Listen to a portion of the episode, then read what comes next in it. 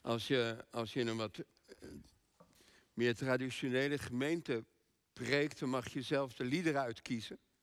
En dan zorg je natuurlijk dat de liederen een beetje passen bij de preek en bij de schriftlezing. En als ik in een evangelische gemeente kom, of zoals bij u, bij jullie, dan is het altijd een beetje spannend, want jullie kiezen zelf de liederen uit. En ik zeg het in alle bescheidenheid, ik vind het altijd de teken van de aanwezigheid van de Heere God en van de Heilige Geest als de liederen dan uh, prachtig aansluiten bij, bij de woorden die gaan klinken. En dat is vanmorgen zeker zo.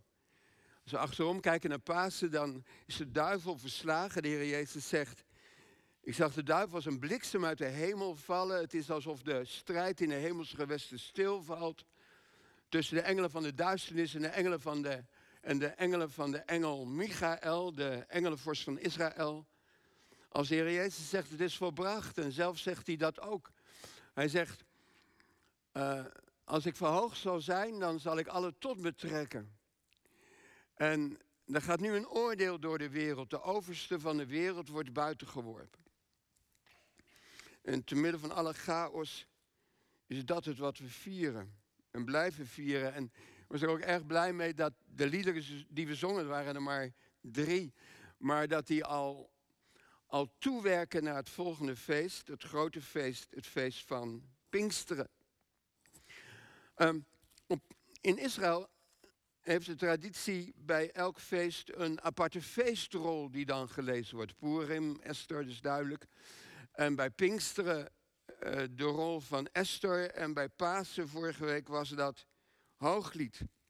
En ik wil er een stukje uit lezen, omdat dat, omdat dat zo verwijst naar die ontmoeting van de Heer Jezus met uh, Maria van Migdal, van Magdala. U weet dat het hooglied, hebben ze wat over gediscussieerd of dat wel een plek in de Bijbel zou krijgen, heel lang geleden. En ze hebben gezegd, ja, dat moet in de Bijbel, want het is een allegorie. Het vertelt niet alleen over de liefde tussen een bruid en een bruidegom, maar het vertelt ook over de liefde tussen God, de bruidegom, en Israël, zijn bruid. Moet je horen. Hooglied 3. Op mijn bed s'nachts zocht ik de geliefde van mijn ziel. Ik zocht hem, maar ik vond hem niet. Ik, ik stond op en ging de stad in. Op straten en pleinen om mijn zielsbeminder te zoeken. Ik zocht hem, maar ik vond hem niet. De wachters die in de stad hun ronde deden, troffen mij aan. Ik vroeg aan ze, heb je mijn zielsbeminder ook gezien? Maar nauwelijks was ik ze voorbij gegaan of daar vond ik hem, mijn zielsbeminde. Ik greep hem vast en wilde hem nooit meer loslaten. Dat is mooi. Dat lijkt heel erg op de ontmoeting van uh, Maria van Magdala en de Heer Jezus, nietwaar? Het Eerste Testament dat, dat doorgloeit het Tweede Testament. Het is, het is een eenheid. Goed, we gaan lezen mm, ik heb mijn eigen Bijbeltje meegenomen en u heeft de beamer. En misschien dat het hier en daar net wat anders gezegd wordt, maar dat is, is juist mooi om dat eens te bekijken. Vers 11. En Maria stond buiten, dicht bij het graf, en ze weende. En toen ze dan weende, boog ze zich voorover naar het graf en ze zag twee engelen zitten in witte kleren. Eén aan het hoofdeinde en één aan het voeteinde waar het lichaam van de Heer Jezus gelegen had. En, en ze zeiden tegen haar vrouw, waarom huil je? Ze zeiden tegen haar, hen, omdat ze mijn curios, mijn heren, hebben weggenomen en ik weet niet waar ze hem hebben neergelegd. Na deze woorden keerde ze zich om en ze zag Jezus staan, maar ze wist niet dat het Jezus was. Jezus zei tot haar vrouw, waarom huil je? Wie zoek je? Ze dacht dat het de tuinman was. En ze zei tegen hem, Curios, als u hem hebt weggedragen, dan moet u mij vertellen waar u hem heeft neergelegd en dan zal ik hem wegnemen. Jezus zei tegen haar Maria. Ze draaide zich om en ze zei tegen hem in het Hebreeuws Rabuni, dat wil zeggen meester. Jezus zei tegen haar, hou me niet vast, ik ben nog niet opgevaren naar de Vader. maar ga naar mijn broeders. En zeg hun, ik vaar op naar mijn vader en uw vader, naar mijn God en uw God. Maria van Magdala ging heen en vertelde de discipelen dat ze de Heer had gezien en dat hij haar dit gezegd had. Een van mijn kinderen die, die daar wat bedrevener in is, wel, zo moeilijk was het ook weer niet, die stuurde mij, die wees mij op een YouTube-filmpje uit 1910. En dat waren allemaal beelden van Groningen, van de stad Groningen. U weet, wij komen uit Groningen. Iets boven Groningen zelfs. Dus daar gaat toch nog wel iets boven Groningen. Maar. Ehm, en dan keek je in de stad, de straten die we nu kennen, die wel wat veranderd zijn. En daar zag je, daar zag je ingekleurd. Zag je kinderen spelen, meisjes spelen op de grote markt met strikken in hun haar en jurkjes. En, en en je zag een fontein op de vismarkt, dat is er al lang niet meer. En je zag overal mannen met petten op en met hoeden op en die hadden allemaal pakken aan. En dames met lange jurken, struise jurken en parasols en grote hoeden. En op de hoek van de oude bootringen stond een mannetje met een baard zijn pijp te roken. En om zich heen te kijken. Prachtig. Ik vond het mooi. Maar toen ik dat zag, voor de tweede, derde keer misschien, toen dacht ik, wie je ook maar ziet in die film, ze zijn allemaal dood. Inmiddels. Ze zijn allemaal gestorven. Dood is onverzadigbaar. Iedereen pakt die op een gegeven moment. Ineens zomaar. We zaten gistermorgen te luisteren naar een livestream van een begrafenis van een nichtje. 46 jaar. En een man zei, waarom? Je hoeft dus niet eens zo ver terug te gaan. Natuurlijk of natuurlijk, er is leven na de dood, dat geloven we. Er is leven na de dood, maar, maar de boodschap van Paas is anders, is toch wel wat anders. Het is niet zomaar dat er leven na de dood is. Jezus is opgestaan uit het graf hier. Als je verschillende evangeliën leest, dan merk je een en al verwarring om een paar woorden te noemen. Gevoelens van de vrouwen die bij het graf komen en Gevoelens van de discipelen bij het lege graf. Siddering lees je, huivering. Ook blijdschap, maar opwinding en grote vrees en ongeloof. De achterblijvers die niet geweest zijn, die, die geloven het niet eens. Het is allemaal zo onwerkelijk wat ze zeggen. Tuurlijk. Allemaal geloven ze dat er wel iets is. Zelfs meer dan dat, dat er leven naar de dood is. Dat er met de dood niet afgelopen is. Maar dat is het niet. Het is niet zo dat ze horen dat het met de dood niet afgelopen is. Het is dat het graf leeg is. En dat notabene de hoofddoek die, die de kaak bij elkaar houdt, netjes is opgerold en ergens neergelegd. Dat Jezus er dus is, dat moet wel. Ergens. Levend. Loopt hij. Kun je hem aanraken. Dat is het verwarrende, maar waar is die dan? iedereen van ons zal wel, dat denk ik, een keer het sterven van iemand hebben meegemaakt. Uit je kennissenkring of dichterbij in een familie. Misschien wel je man of je vrouw. Je ouders. Kind. En de dood is ook onwerkelijk. De eerste keer dat ik als dominee zag ik voor de eerste keer iemand die dood was. Wilt u hem nog zien? En wat zo onwerkelijk is, dan zie je hem en het is zo stil. Er is geen adem. Ooit is het begonnen bij de eerste adem, bij de eerste Adam. Bij de geboorte was er de eerste ademteug. En nu is er de laatste adem geweest. En wat overblijft is een, het lijkt wel een pop. Een leme pop, een wassen pop, stof. En je zoekt troost en je wordt getroost bij de gedachte dat, dat de mens toch bij God, bij Jezus is, daar zijn intrek genomen heeft. Dat hij onzichtbaar gedragen is door de engelen in de schoot van Abraham, zegt de Bijbel. Maar met Jezus is het anders. Het is, het is niet zo dat hij onzichtbaar gedragen is door de engelen in de schoot. Het graf is leeg.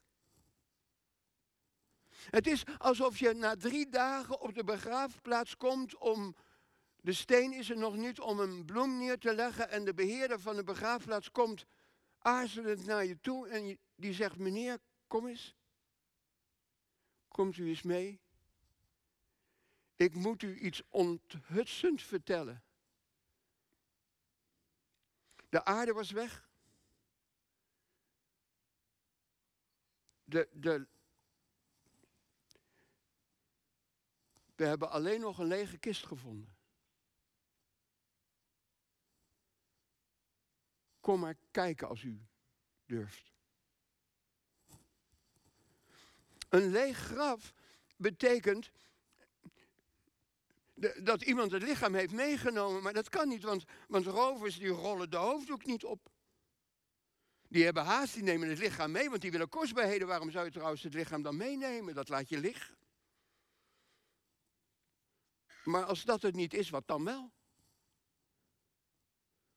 En dan staat erbij, aan een stukje vooraf aan wat we gelezen hebben, dat zij, Johannes en Petrus en de anderen, de Bijbel nog niet kende, de schrift nog niet kende, dat hij uit de doden moest opstaan. En welke schrift? Welke schrift moet indalen bij ze? Misschien Psalm 118, daar staat, ik zal niet sterven, maar leven en ik zal de daden van de Heeren vertellen. Dat dat profetisch met het oog op de gezalfde, de Messias, gesproken is. Op Psalm 16, Gij geeft mijn ziel niet prijs aan het dodenrijk. Gij maakt mij het pad des levens bekend. Gij maakt mij het pad, de weg, de uitweg, de exodus uit het graf bekend. Of Jezaja 53, als hij zijn ziel tot een schuldoffer gesteld zal hebben, zal hij licht zien. Niet de duisternis van het graf, maar de steen weg, zodat het licht naar binnen valt, zal hij licht zien. Staat er zo dat ze de schrift nog niet kenden. En dat was natuurlijk ook wel zo, maar misschien is het ook wel gezegd voor de eerste lezers daar, waar Johannes voor schrijft in Efeze in de diaspora dat de opstanding zo groot is, zo indrukwekkend, dat het pas langzamerhand indaalt bij je wat er gebeurd is. Als je het woord opent en als je leeft bij het woord, dat je dan uiteindelijk ook zelf Jezus zult ontmoeten. Want als de schriften opengaan, dan ga je beseffen wat ik telkens zou zeggen, dat er niet maar leven naar de dood is, maar dat er opstanding uit de dood is. Dan ga je inzien dat de Heer Jezus zelf, de, zelf is opgestaan uit de dood. Dat hij de eerstgeborene is uit de doden. Dat hij die macht heeft. En dat dus met hem, want dan staan de doden op. Dat dat dus met hem het eschaton, het koninkrijk, de toekomende eeuw is begonnen. Want dan staan de doden op. Dan is er meer dan alleen maar dat je doorleeft in de hemel of zo. Dan staan ze op. Dan, dan is het eindtijd. En daar staat het Nieuwe Testament ook vol van. Met alles wat, wat dat inhoudt. De toekomst is dus al begonnen. Dat zie je als de schriften opengaan. Dat zie je bij die twee andere discipelen ook, weet je wel, op, op de middag van Pasen. De Emmersgangers, ik heb daar wel eens over gesproken hier, dat ze dan op weg zijn, dat ze niet over uit kunnen. We dachten nog wel dat hij het was die Israël verlossen zou. En dat de Heer Jezus dan bij hem komt lopen en dat ze hem niet zien, dat ze hem niet herkennen, want hun ogen zijn verstrakt. En dan zegt de Heer Jezus tegen ze, o gij onverstandige en trage van hart, dat je niet alles gelooft wat de profeten gezegd hebben. Er is nog meer dan wat jullie geloven. En dan doet hij de schriften voor hen open als hij bij ze inkomt. En dan begint dan bij de Torah en dan bij de profeten, de volgorde van de Bijbel van Jezus. En dan bij de geschriften, de Torah, de Nevi'im en de Getubim. In die volgorde. En dan zien ze, ontdekken ze dat de Heer Jezus dus door lijden heen moest. En dat dat lijden van hem niet het einde is. Dat hij de zonde van de wereld moest wegdragen. Als het lam van God, als het paaslam. En dat zo de macht van de duisternis verbroken is. Daardoor. Dat is bij ons ook zo. Als Jezus zeg maar van onze schriften opent, dan gaan wij weer zien wat de Emmerschangers al lang zagen. En wat zij moeten leren, dat weten wij. Maar wat wij moeten leren is wat zij weten. Ze kennen de schriften wel, maar niet alles, zegt Jezus. Dat het gaat, dan moeten wij leren om de verlossing van Israël, om de verlossing van Jeruzalem. Dat de wolf en het lam tezamen zullen zijn. Dat de verstrooide schapen van het huis van Israël worden ingezameld. Daar zong oom Zacharias over als je het geboorte-evangelie van Lucas leest, dan gaat het er helemaal niet over waar wij het zo druk over hebben, over de vergeving van onze zonden en zo. Ja, één keer wordt het even terloops genoemd. Nee, Maria zingt, nu zullen rijken leeg worden weggezonden en machtigen zullen van hun tronen getrokken worden. Dan gaat Poetin daar aan, en gaat die daar aan en alles wat groot is, dat wordt weggetrokken door hem. En om Zacharias, vol van de Heilige Geest, die zegt, nu zullen wij bevrijd van al onze vijanden God kunnen dienen. Nu zullen we bevrijd worden van alle mensen eindelijk die ons haten. Dat, dat zie je dan. Als de schriften opengaan. Als je om je heen kijkt, dan zie je chaos. Als je om je heen kijkt, zie je dat China steeds groter wordt. Als je om je heen kijkt, zie je dat, dat theaters en, en, en ziekenhuizen gebombardeerd worden. Dat, dat honderdduizenden Oekraïners naar Rusland gedeporteerd worden en kinderen, dan zie je machtswellust. Als je om je heen kijkt, gaat het om olie en om gas en om aandelen, om recessie. Dat zie je. Maar als de schriften opengaan, dan zie je dat hij het handschrift dat tegen ons was met zich aan het kruis genomen heeft en dat hij daar de machten ontwapend heeft en openlijk tentoongesteld heeft. Zoals bij Pesach klinkt. In die nacht werden de goden van Egypte in hun hemd gezet. Als Jezus de schriften voor ons opent, dan, dan zie je dat, dat het graf open is. En dat, dat het dus niet is Pasen dat we naar de hemel gaan en daar dan blijven. Maar dat het heil hier is. Hier komt. Hier in Jeruzalem.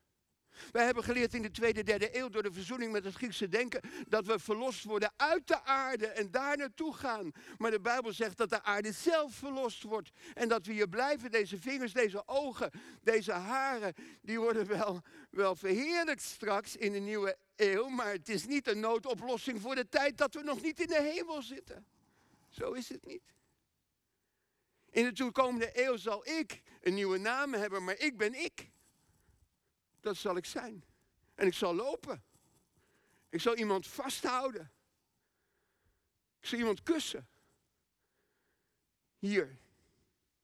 Ik zal reizen naar Jeruzalem en daar met al die volkeren het Loofhuttenfeest vieren.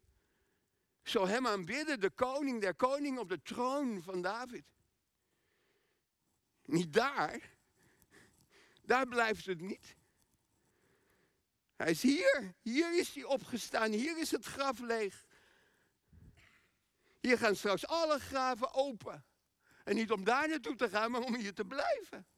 We zullen in een ogenblik gelijkvormig gemaakt worden aan het lichaam van de Heer Jezus. En dat brengt ons bij het vervolg. Maria van Magdala blijft achter in de tuin. Als Jezus niet in het graf is, waar is hij dan? En ze ziet twee engelen zitten, één aan het hoofdeinde en één aan het voeteneinde, waar het lichaam van Jezus gelegen had. Maar het lijkt wel alsof het haar niet raakt. Huilend vertelt ze hen, ik weet niet waar ze mijn curios hebben neergelegd, mijn heren, waar is die? Wel zeven keer zal in het hoofdstuk het woordje curios vallen, maar ze leeft in een verwarrende droom, in een waas. Ze ondergaat het allemaal. Ze loopt weg van het graf en, en, en, en je ziet alleen een man staan, alleen een man in de tuin. Totdat Jezus haar wakker maakt met het noemen van haar naam. Op Pasen leest Israël Shira Shirim, het hooglied. Ik wil opstaan en rondgaan in de stad. Ik zocht hem, maar ik vond hem niet. De wachters, de engelen troffen mij aan. Heeft u mijn zielsbeminder gezien? Nauwelijks was ik hem voorbij of ik vond hem. Ik greep hem vast en wilde hem niet loslaten. Trouwens, dat Maria de tuinman ziet, is zo vreemd nog niet waar? De tuinman in de hof, het zijn beelden, woorden, beelden die ons terugbrengen naar het paradijs. Adam, de eerste tuinman die de hof moest bewerken. De mens, als een pop was die. Uit het leem, als was, zeg maar, had God hem geformeerd. Geformeerd naar het beeld van God. Maar hij zweeg. En God blies hem zijn eerste adem in. Hij kuste hem tot leven. Want zo alleen ben je mens met de adem van God, niet waar? Dan word je mens, dan word je Adam. Dat zie je ook in de getalswaarden, even tussendoor van Adam. De Alef en de Dalet en de Meem, de getallen in het Hebreeuws, is bij elkaar 45. Maar een mens is geen product van zijn vader en moeder alleen maar, want, want, want, want Abba, Ab, is drie. 1 en 2 is drie. En Ima, dat is, dat is uh, moet even erbij kijken, is, is 41. 41 en 3 is 44. En geen 45. Dus een mens is maar niet een product van zijn vader en moeder. Want dan kom je aan 44 en niet aan 45. Er moet er nog een letter bij. Er moet de alef bij. De eerste, die heeft niet eens een klank. Dat is, dat is de alef. Hij moet beademd worden door God. Dan word je mens. Je zou kunnen zeggen, daar staat de nieuwe Adam. Bij het lege graf, bij Maria beeld van Eva. Ze luiden samen de nieuwe tijd in. En ik denk aan de woorden van Paulus. Want indien door de overtreding van die ene de dood als koning is gaan heersen, veel meer zullen door, door de overvloed van genade wij als koningen heersen door Christus. Of is het toch dichter bij Hooglied? bij de bruidegom en de bruid. Maria, beeld van Israël, Mirjam, die haar Messias, haar koning, haar bruidegom vasthoudt en niet meer wil loslaten. Het is zover en nu moet het zo blijven. Laten de dingen maar veranderd worden, nu. Ga de maar op, mijn bruidegom, mijn koning. Maar waarom mag Maria Jezus niet vasthouden? Ik denk omdat zij en de lezers en wij, hoe graag we het ook zouden willen, hoe graag we ook zouden beseffen, en dat mogen we ook beseffen, dat hoewel het al begonnen is, hoewel de vol, we leven in de volheid van de tijden, hoewel de einde der eeuwen over ons gekomen zijn, zeggen de apostelen, dat er nog zoveel moet gebeuren. En dat kan alleen als Jezus door zijn geest leiding daaraan geeft vanaf de troon van de Vader. Het evangelie van het koninkrijk moet nog in heel de wereld gebracht worden. En de kinderen van Israël moeten nog teruggebracht worden uit de verstrooiing. Isaiah 11, dan zal ik de verstrooide dochters en zonen van Juda en Israël verzamelen van de einden der aarde. Dat moet nog eerst gebeuren. En daarom mag Maria Jezus niet vasthouden. Ze kan hem nog niet vasthouden in haar werkelijkheid. Ook al schijnt daar het licht van het evangelie al op. Van, van het koninkrijk al op. Het is, veel meer zo, in de tijd die komt, houdt hij haar vast. En trekt hij haar zijn werkelijkheid voorlopig binnen. En vanuit de heerlijkheid van de Vader komt hij tot haar, komt hij tot ons. Beademt hij ons, bewoont hij ons. Maria kan hem niet haar leven binnentrekken. Hij trekt straks haar zijn leven binnen. En dat is het grote van de tijd na Pasen. Niet ineens dat er leven na de dood is, maar dat het opstandingsleven ons die nog midden in de chaos, midden in de dood leven, geschonken wordt. Wij krijgen opstandingsleven nu al. Door Jezus die ons vasthoudt, die ons beademt, die ons bewoont. En dan ga ik verder in de schrift en dan lees ik, wij zijn mensen die zonder bedekking de schrift lezen. En wij veranderen van heerlijkheid tot heerlijkheid, zegt Paulus. Hij zegt, in hem woont de volheid van God. En jullie hebben die volheid verkregen. Van hem die het hoofd is van alle macht. Jezus noemt ons zijn naam bij de doop al. Onze naam. En om ons te laten delen in zijn opstandingsleven. Wij zijn, schrijft Johannes, wij zijn overgegaan uit de dood naar het leven nu al. Dat komt niet nu al. In Christus, dat is verwarrend. Dat is onzagwekkend en, en vol blijdschap tegelijk. Het is niet zo dat, nogmaals, dat er leven naar de dood is. Het leven mogen we nu al bezitten. De levende is bij ons, leeft in ons, heeft ons verzegeld tot op de dag van zijn koninkrijk, houdt ons vast. Stel je voor dat het anders was. Stel je voor dat ze hem had vastgehouden en dat de boodschap nu was, je moet Jezus vasthouden. Dat is wat je moet doen. Je moet Jezus zoeken, je moet Jezus vinden en je moet Jezus vasthouden. Net zoals Maria. Ik zou het niet meer weten. Als ik hem moet vinden. Als ik hem moet vastgrijpen. Als ik in hem moet geloven. En dat ik in hem echt moet geloven, zoals ze zeggen. En dat ik in hem waarachtig moet geloven. En dat hij dan als ruil, als cadeautje daarvoor, omdat ik dat zo goed kan, dat hij me dan eeuwig leven geeft. En dat ik daar dan beter in ben dan de rest van Amersfoort. Om het over Israël nog niet meer te, te zeggen. Dat, zo werkt het toch niet? Ik kan hem helemaal niet vasthouden. Ik merk telkens dat ik hem loslaat. Ik zal u een geheimje vertellen. Dan gaan we zo afsluiten. Ik ben met pensioen. Ja, eindelijk iets te lachen. Van de week. Overal hangt het in huis. Pensioen, pensioen, pensioen. Maar goed, dat is voorbij. Ben 66 en 7 maanden. Oh, zegt iemand, ik dacht dat je al lang met pensioen was. Nee, nee, nee. Nee. Nee, zo is het niet. Maar ik dacht bij mezelf, ik preek nou 45 jaar. Ik begon als een jonge gup in 77.